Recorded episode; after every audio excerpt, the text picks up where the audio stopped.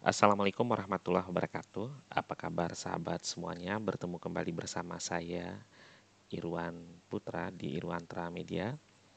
Hari ini kita akan membahas tentang hikmah, paku dan kemarahan. Suatu ketika ada seorang anak laki-laki yang bersifat pemarah.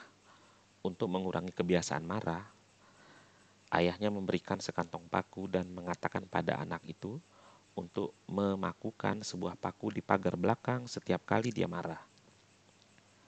Hari pertama, anak itu telah memakukan 48 paku ke pagar setiap kali dia marah. Lalu secara bertahap jumlah paku itu berkurang. Dia mendapati bahwa ternyata lebih mudah menahan amarahnya daripada memakukan paku ke pagar. Akhirnya tibalah hari di mana anak tersebut merasa sama sekali bisa mengendalikan amarahnya dan tidak cepat kehilangan kesabarannya. Dia memberitahukan hal ini kepada ayahnya, yang kemudian mengusulkan agar dia mencabut satu paku untuk setiap hari di mana dia tidak marah.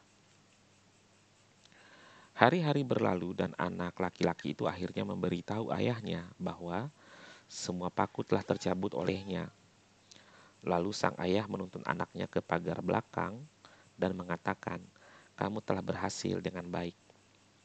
Tapi lihatlah lubang-lubang di pagar ini.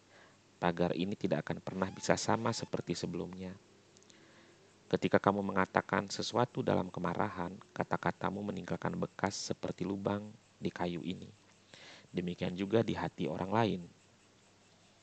Kamu dapat menusukkan pisau pada seseorang, lalu mencabut pisau itu tapi tidak peduli berapa kali pun kamu minta maaf, luka itu akan tetap ada.